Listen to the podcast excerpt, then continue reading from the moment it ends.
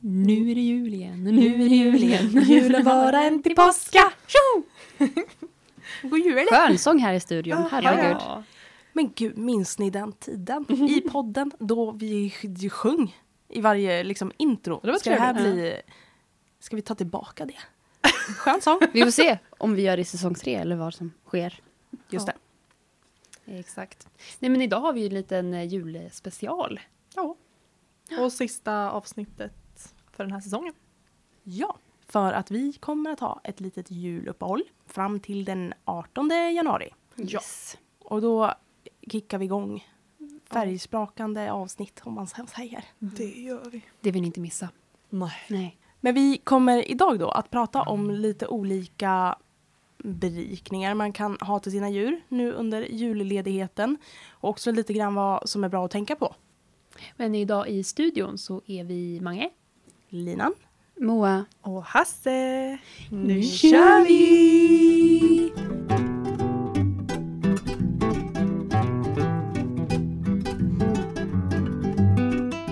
Jag vill eh, börja med en eh, viktig fråga.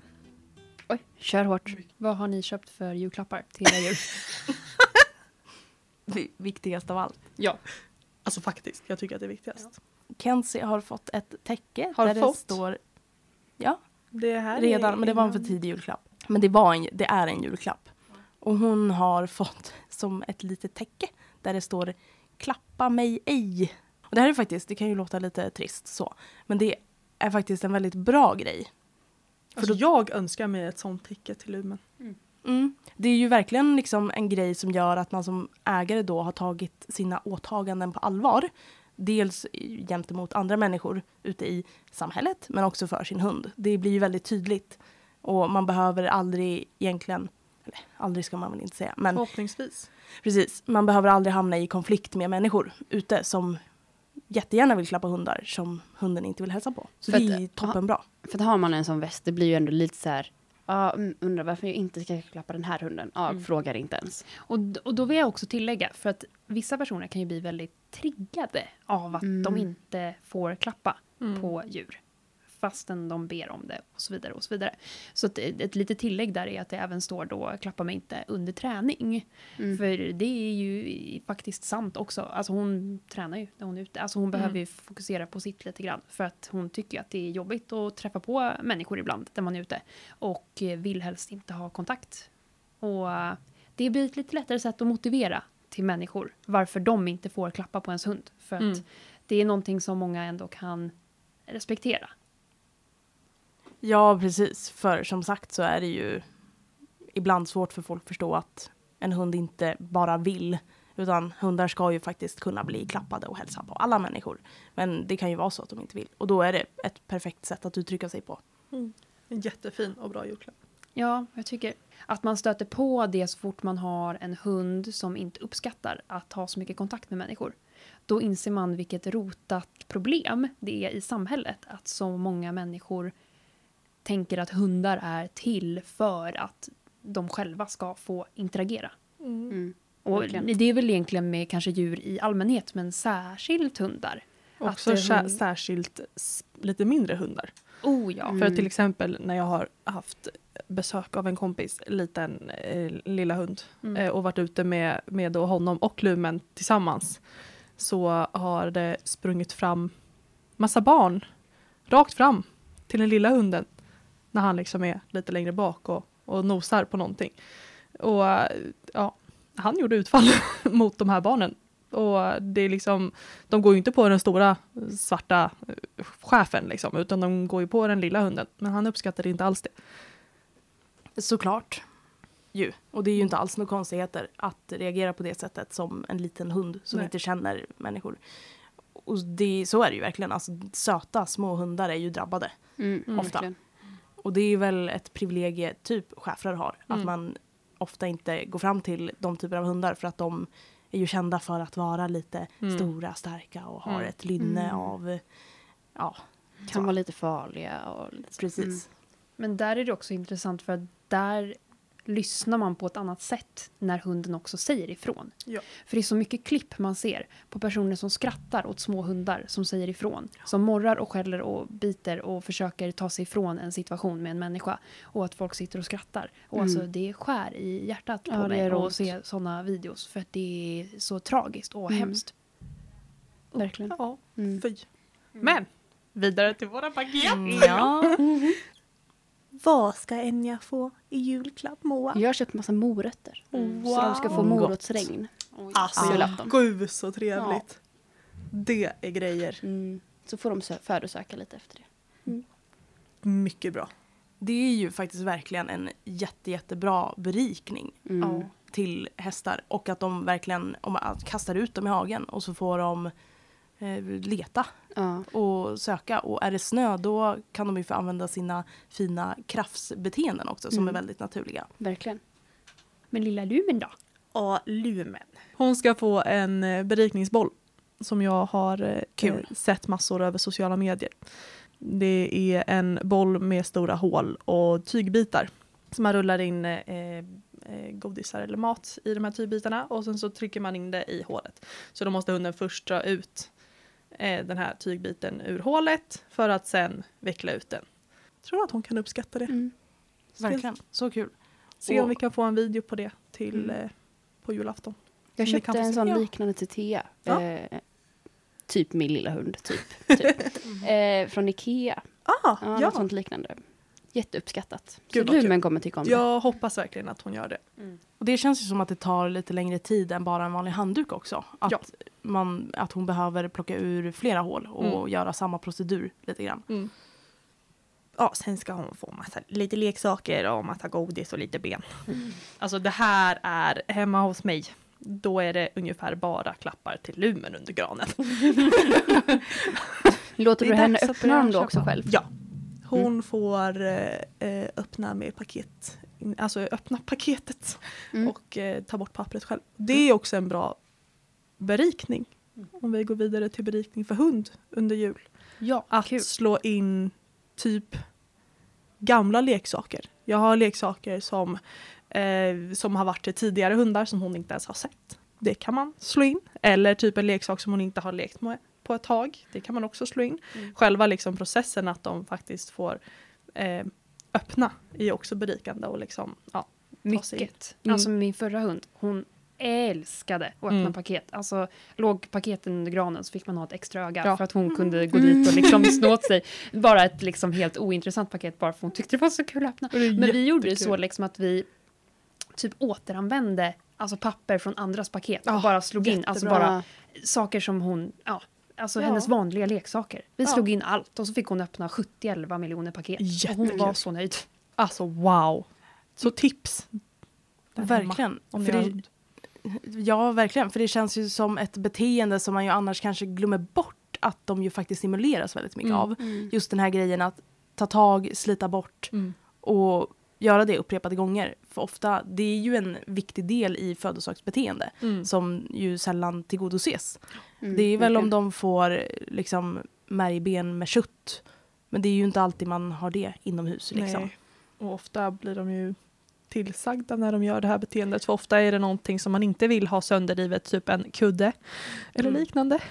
Ja, och att man förstår ju för det är dyrt att köpa Mm. hundleksaker hela tiden. Och målet på något sätt för många som har hundar då, som sliter sönder saker är ju att försöka hitta leksaker som inte går sönder.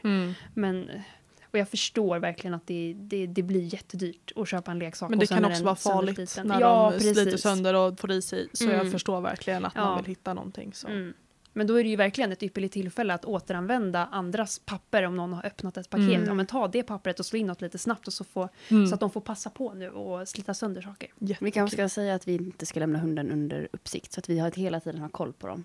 Ja. Så att vi inte, Vi de måste- käkar ur pappret. Eller, Uppsikt. ja. Viktigt. Håll. Generellt över hela julen. För Ja. det är ändå det Ja. klassiska med all eh, frestande mat som ställs fram och det är godis och det är mycket farliga grejer. Mm. Så ja, tåls att upprepas. Mm.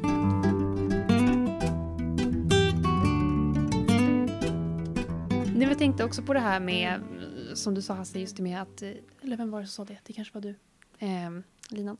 Eh, med att just eh, en del av födelsedagsbeteende är att slita sönder och äta och så vidare. Och då har jag lite tips på berikning. Spännande. Ehm, så det här är egentligen inte fokuserat på jul, men kan ju ta upp det nu när vi ändå pratar om det. Men eh, För att flika in. Man kanske går på toaletten extra mycket jul. exakt. Man Alla kanske har, är mer hemma. exakt. Eh, kasta inte toalettpappersrullarna. Eller hushållspappersrullarna. Spara dem. Så att eh, ni har några stycken. Jag har sen- 20 stycken hemma. Ja, jättebra. Jag tror det är lite så här standard när man blir hundägare eller så här, Ja. att man sparar på dem. Spara dem, vika in kanterna Mm. och in med något godis som luktar lite extra mycket. För sen så kan man samla ihop några stycken som har kanske mellan fem och tio stycken. Och sen så gömmer man dem på olika ställen. Så ber man hunden söka. För då får den ju utlopp för att söka upp, ha sönder toalettpappersrullen och äta. Det här gjorde vi med Kenzie häromdagen och hon tyckte att det var riktigt trevligt. Och sen avslutade vi med att hon fick liksom ett gott ben så att man ändå satte lite. Jag bad henne söka varje gång fram tills att det var slut så att inte hon fortsatte söka Mm, om det inte finns mm. några kvar. Så jag var ju tydlig med liksom sök och sen så, så fort de var slut då slutade jag säga sök och sen så fick hon ett ben istället. Mm. Och oj vad trevligt hon tyckte att det var. Det var riktigt uppskattat. Gud vad kul, det ska jag göra. Annars brukar jag bara göra lite smällkarameller så att de får samma procedur med att slita och riva. Att man lägger in godisar och sen så slår man in det lite i presentpapper. Undvik snören. Mm. och sen eh, ja, så får de leta. Men det här går ju också att göra till katt. Typ smällkarameller. Man kan ju försöka ha lite längre tofsar på, på pappret. Och sen så kan man till en början då knyta fast typ ett snöre så man kan leka med katten och dra runt på det här. Och sen så när katten har fångat smällkaramellen så försöker man ta av snöret lite fint. Eh, och sen så kan de ju faktiskt också få komma in i smällkaramellen. Ja men precis för då kan man ju skippa toalettrullen egentligen för att göra lite lättare kanske. Det kan man också göra. Så att man bara slår in godis i Mm. ja, inslagningspapper. Mm. Det är ju ändå smart. Men var noga med att ta bort snöret om ni har en katt som äter det. Och håll alltid uppsikt så att de inte börjar käka på pappret också. Men viktigt är ju då att de får utlopp för hela det här jaktbeteendet. Att de får jaga, de får fånga och sen får de eh, komma in i bytet och äta upp köttet eller godiset som finns där i. Och någonting som ju är både bra men någonting man också måste tänka på återigen är ju det här med jul julgranar eller snarare gran då.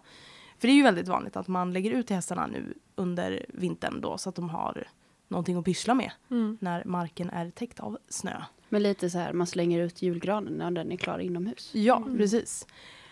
Men det finns ju faktiskt några granar som man helst inte ska ge till häst. För det Inte alls faktiskt. Nej, precis. Och det är ju då bland annat kungsgran eller andra förädlade granar. Värst är väl idegran. Ha koll på vad ni har för gran. Har ni en gran som hästar faktiskt tål så är det en ypperlig berikning, alltså en jättetrevlig berikning att Ja. kasta ut. Och en till grej som många brukar göra till sina hästar, vilket ju kan vara bra, men som också kan orsaka en del problem, är ju, har ni sett typ så här på Instagram när man är ute och surfar, att man hänger upp typ äpplen, morötter i en tråd, vad säger man? Alltså att man taket. knyt, ja Mm, exakt, Så den häng, hänger där och dinglar lite. precis. Ja. Rent Vad spontant tänker ni? känns det väldigt frustrerande. Jag håller med. Ja, jag känner inte recommend, recommend på den. Nej. Precis, för dels då verkligen att det är ju svårt att få tag på så det blir Mm. ju väldigt frustrerande. Men också om de hänger så pass högt upp så är ju risken för foderstrupsförstoppning väldigt stor. För den huvudpositionen, visst kan de äta ute i naturen från träd och sådär. Men det är ju inte under längre perioder. Och oftast får de ju tag i grenen ganska direkt. Ja, precis. Så viktigt då, det är ju en jättebra grej att berika med morötter eller Mm. äpplen som är lite svårare att få tag på för det är ju också stimulerande för födosöksbeteenden. Men ett bra tips är ju kanske att ha en foderboll så att den kan få ligga på, på backen. Mm. Och då kan man ju göra det olika svårt då. Antingen gör man det svårt för hästen att få ut morötterna eller godisen i foderbollen. Så att de måste använda alla möjliga olika tekniker. Eh, eller så gör man det lätt så att det bara sticker ut.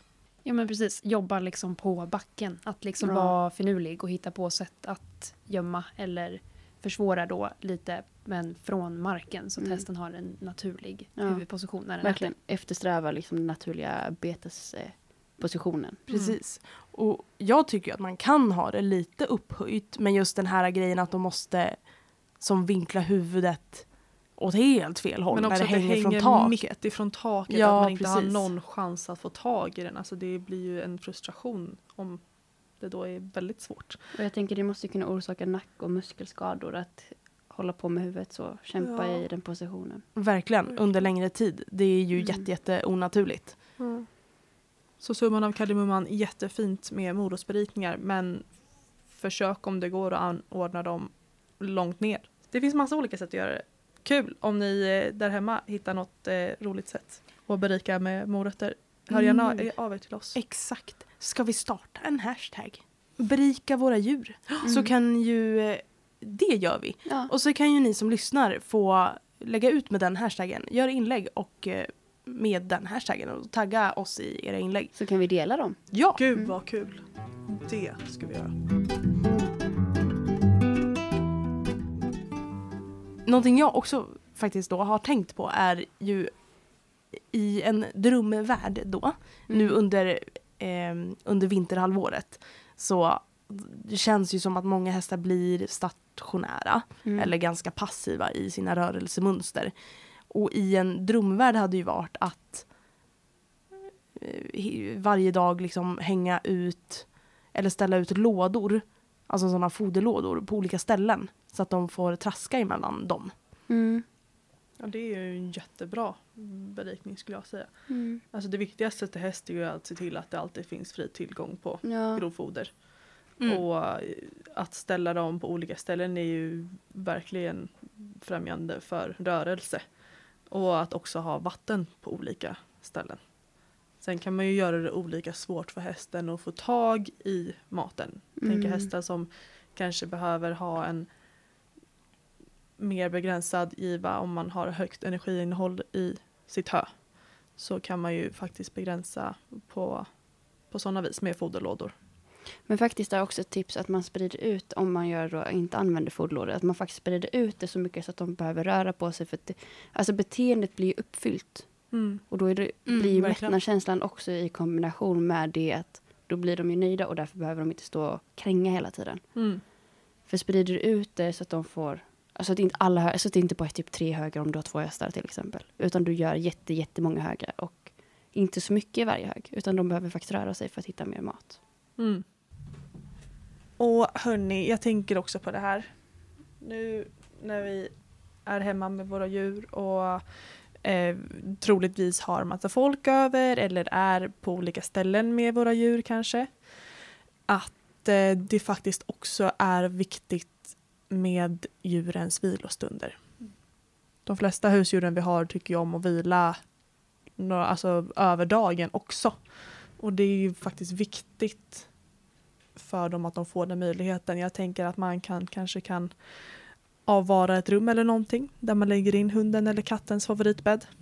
Möjligtvis om katten alltid hänger på en bädd i fönstret så kanske man kan skärma av en liten bit så att det inte går folk precis, precis bredvid katten. Alltså det så, ja, försöka underlätta lite för, för vilande beteenden också. Och faktiskt låt dem sova när de sover. Ja. Ja, För verkligen de behöver viktigt. sova fler timmar än vad vi gör. Mm. Exakt vad jag skulle säga. Att jag tänker att det är lätt att glömma bort, eh, om man då tänker hund och katt, att de har ett större sömnbehov än Mm. vad vi människor har.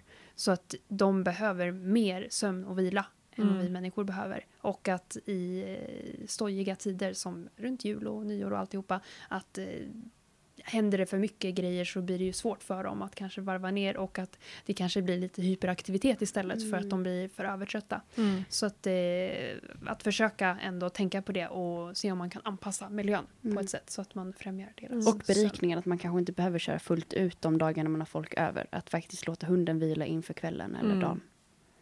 Verkligen. Och just den här grejen att vara medveten om också om det har varit en dag med mycket aktivitet. Hunden kan påverkas under en tid efteråt. För det är väl som en själv om man har sovit dåligt en natt så mår man, kan, eller jag personligen kan ju må dåligt liksom två dagar efter. Mm. Men att veta om det, att eh, även fast dagen är över då med mycket stoj och stim så kan hunden påverkas efter det. Eller katten, vilket djur man nu än har. Det är verkligen viktigt att tänka på. Och också den, återigen, pratar om hund, att för vissa tänker ibland kanske att man då ska trötta ut hunden. Så att den då kan sova när det kommer över folk och alltihopa. Och för vissa hundar så kan ju det funka om den klarar av att vila i en sån miljö. Men för vissa hundar så kan det ju bli tvärtom. Att istället så blir den då lite övertrött och sen dyker upp folk och så blir det istället då hyperaktivitet. Så att eh, där handlar det också om att eh, tänka efter vad som passar för ens egen hund eller ens eget djur Mm. då. Alltså om man kan anpassa individuellt då. Verkligen, för ibland krävs det ju faktiskt att man ändå har en planering som sträcker sig några dagar innan också. För ibland kan det ju vara att man har en individ som ju behöver stimuleras väldigt mycket två dagar innan. Mm. Så att den är stimulerad, men på dagen att den får den vilan då som den behöver, men att den har stimulerats innan, om man säger. Ska vi prata lite om julpynt? Det är jättefint och det är jättetrevligt och jag tycker verkligen att det är mysigt och berikande. Kanske mest för oss, men eh, det är verkligen en, en stämning som kommer Mm. på julen. Så Mm. jag tycker ha julpynt men se till så att det är utom räckhåll för våra älskade djur. Djursäkrat. Ja, Exakt. Och jag tänker hästar som också är neofoba, alltså rädda för nya objekt. För de skulle ju kunna också vara ganska stressande att det helt plötsligt dyker upp massa Mm. grejer i stallet Ja. från Mm. ingenstans.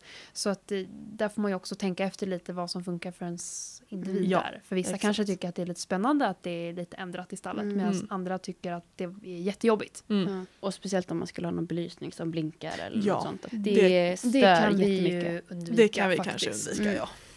Och just faktiskt för personligen, trots att man har haft häst så länge och man kan hitan och ditan, det är upp och ner, så är det ju så himla lätt att verkligen glömma just en sån liten grej. Mm. Och så tänker man bara oj, men varför är hästarna stressade? Ja. Och så bara, ah, okej, det var för att vi pyntade. Mm. För det är ju verkligen en biologisk reaktion som sker när nya saker, eller när miljön ändras. Och det kan man ju inte egentligen styra som människa. För att det sker ju bara i hästarna. Men jag tänker också glitter som man oftast brukar liksom vira runt. Jag tänker att det måste Mm. blinka lite, eller inte blinka men blända, liksom, reflektera. Verkligen. Alltså det är ju en... Även fast vi kanske inte ser det som något konstigt. Precis, Så- för att vi är så vana För att vi är så vana och för att det är också vi som väljer att sätta upp det. Det är vi som styr att det ska sättas upp här och nu på just det här stället. Skulle jag också. Jag tänker även påstå. inomhus på, i julgran och så, att man har lite koll på vad man sätter i julgranen om man har hund eller katt. Och det Vissa har, sant. hänger lite så här polkagrisar och sånt. Och det kan ju vara lite Det jobbigt. kan, Eller om man har en hund som tycker om bollar. Julgranskulor Ja, kan vara intressant. Och också just den grejen att vara väldigt förstående. Att det är ju inte konstigt om de skulle vara väldigt intresserade av de här bollarna som hänger då. Och för, jag har ju hört många skräckhistorier om eh, stackars hundar som blir väldigt utskällda av att vara intresserade av det här. Mm. Men i deras perception av granen så innebär det ju inte att den där får man inte röra för att det är en Nej. julgranskula. Utan det är ju ett stimulus som ju triggar hunden att vilja ta objektet liksom. Och med katt tänker jag att man kanske inte ska ha katten i där julgranen är heller. För att de kan ju klättra i det och så kan den välta. Och Precis. det kan bli väldigt tråkigt. Jag tänker att eh, för har man... eh, Våra katter är ju faktiskt väldigt ändå eh, försiktiga med granen. Mm. Så. De är lite så här, ah, okej nu är den uppe. Däremot, julkulorna längst ner, de är ju lite kul. Ja. Men det löser vi ju bara genom att ha plastkulor som inte går sönder. Mm. Och då kan de bäst de vill på natten oftast då Mm. dra ner dem och så kan de leka runt lite på golvet liksom och ha jättekul. Så kan man bara lite lätt hänga upp dem sen. Så Exakt. problemet Mm. ja, löst. det är ju faktiskt en grej att ha Ja. plastkulor. Verkligen. Men också ändå plastkulor med hund. Alltså om de får ner den där och sätter Ja, den i, i strupen. ja, alltså, nej. set up for success. Alla där hemma. Alltid. Alltid. I alla sammanhang. I alla sammanhang. Jag lägger inte ansvaret på hunden riktigt Nej. utan anpassa, precis som du säger, anpassa miljön och situationen. Sätt upp lite kompostgaller runt granen om du inte Ja. har koll eller alltså, eh, ja, bättre att ta Arbeta för att de ska kunna göra rätt än fel. Verkligen.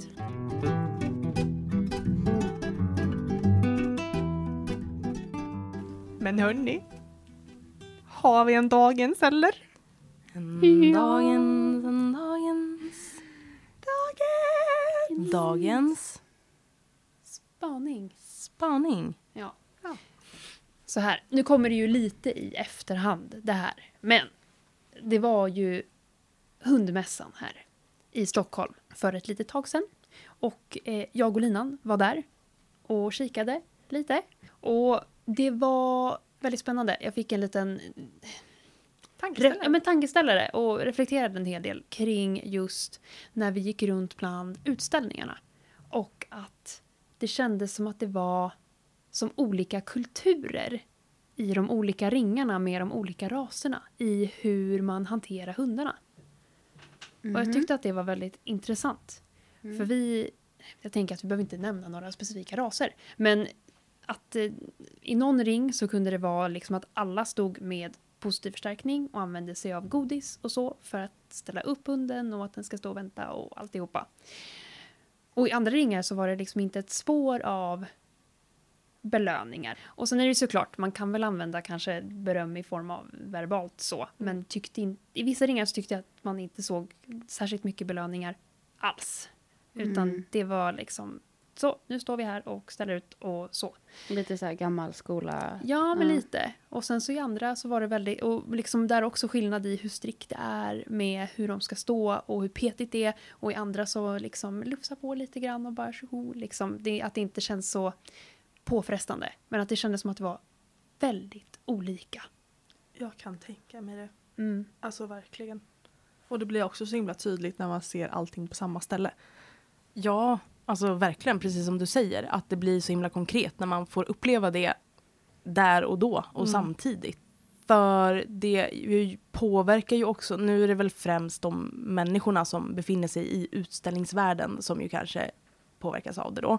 Men att det blir ju en generell uppfattning om hur man ska ta hand om hund och hur man ska hantera hund då. För skaffar man sig en hund av den rasen då som använder generellt sett positiv förstärkning så är det ju inte sällan utställare även föder upp. Och den här kulturen från uppfödare till köp, valpköpare förs ju med.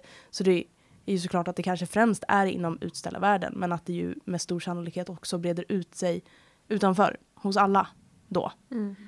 Ja, alltså för jag som ändå jobbat i djurbutik några år och träffat på många valpköpare som har kommit in och då ska köpa grejer för att de ska få en valp.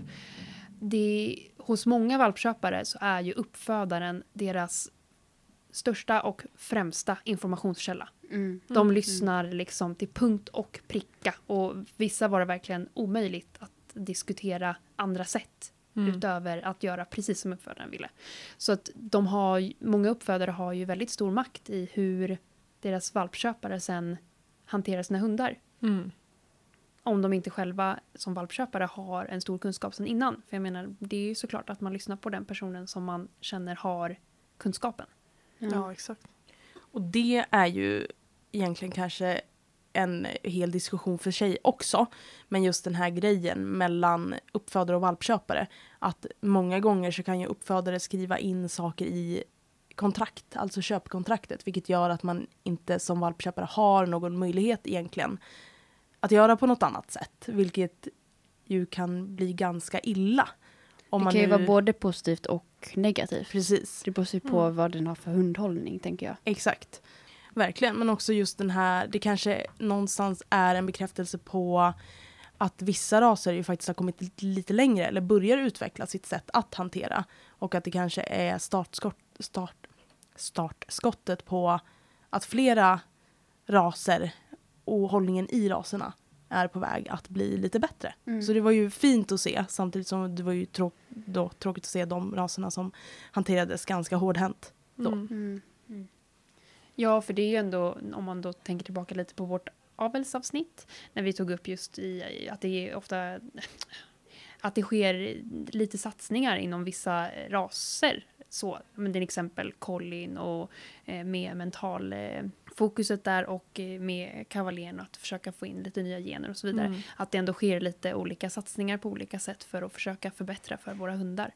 Men det är ju, det blir ju alltid såklart lite tråkigt när man kommer in i situationer där man känner att hoppsan sa, har vi inte kommit längre här? Mm. För att utställning kommer ju... Min personliga åsikt är att utställning alltid kommer vara på människans... Det är alltid på människans liksom vilja att ställa Mm. ut. Sen kan man ju absolut ha en hund som kanske tycker att det är lite roligt att vara med på utställning. Men, Absolut. men Men det är i fortfarande människan ja, precis, som faktiskt säger att vi ska Ja, eller inte ska. Exakt, det är, man själv, det är man själv som människa och ägare som ändå åker dit och bestämmer Mm. att nu ska vi ställa ut och jag vill att du ska stå här. Så att det behöver ju inte vara något negativt så, men jag tycker att det är någonting man ska ändå tänka på. Verkligen. Och utöver just utställningsprincipen så är ju miljön ofta när man ställer ut eller på utställningar är ju väldigt utmanande för hundar. Och det är ju någonting man måste träna på. Alltså miljöträna på den typen av miljö för att hunden ska kunna fungera och trivas Mm. där. För oj vad många stackars hundar det var på hundmässan som absolut funkade i miljön men som mådde väldigt dåligt. Och det var ganska uppenbart när man gick runt och bara observerade. Eh, och det syntes att det var många som hade missat den de- delen att faktiskt aktivt miljöträna Mm. Mm. och i en sån miljö och inte bara gå ut på stan och tänka att det här är samma sak. Mm. Mm. För det är det ju inte.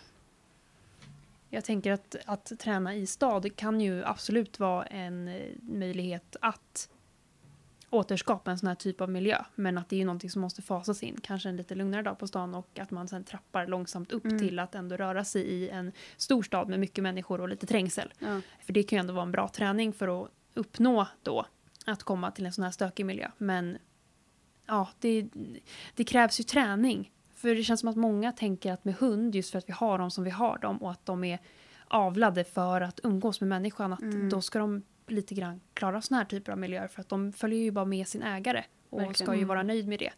Men att just den biten att lära in och miljöträna, Mm. oerhört viktigt. Jätte, jätteviktigt. En till berikning du kan göra till din hund. Som. Ja. Kommer vi alla ihåg den videon som vi la ut på Instagram? Med hund som letar godis i löv. Ja. Ja, Svagt minne av detta. svagt minne. Det går alldeles ypperligt att göra i snö också. Eller som i här, där all snö redan har försvunnit. Så går det att kasta ut de löven som ligger kvar. går skitbra. Bara en grej. Så. Ut och leta lite. Tips, tips. Ja, pausa ju- lite i, i vardagen och leta lite godisar. Exakt. Det är ju en berikning som är väldigt värdefull Ja. på vilken promenad som helst. Ja. Som man ju väldigt lätt kan bara matcha in i sitt schema. Men då hörni, då är sista avsnittet för säsong två Klappat och klart. klappat och klart. Det känns som att vi började igår med säsong två. Ja. Åh shit, pommes frites vad snabbt det har gått. Så helt galet. Men alltså snart kommer säsong tre. Och vi har så mycket kul planerat. Och sen vill jag även påminna om vår hashtag som vi nämnde tidigare. Ja, gud vad kul. Så hashtag berika våra djur. Och våga inte, inte använda den nu. Och tagga oss så vi kan dela. Exakt, mycket, mycket roligt. In och tagga oss så kan vi dela vidare så vi kan inspirera varandra Ja. till fler berikningar för Ja. alla våra djur. God jul! God jul! God jul och gott, Gott nytt, nytt år. år. Från oss i Gärna djur. Från oss alla Till er alla. Bye. Bye bye.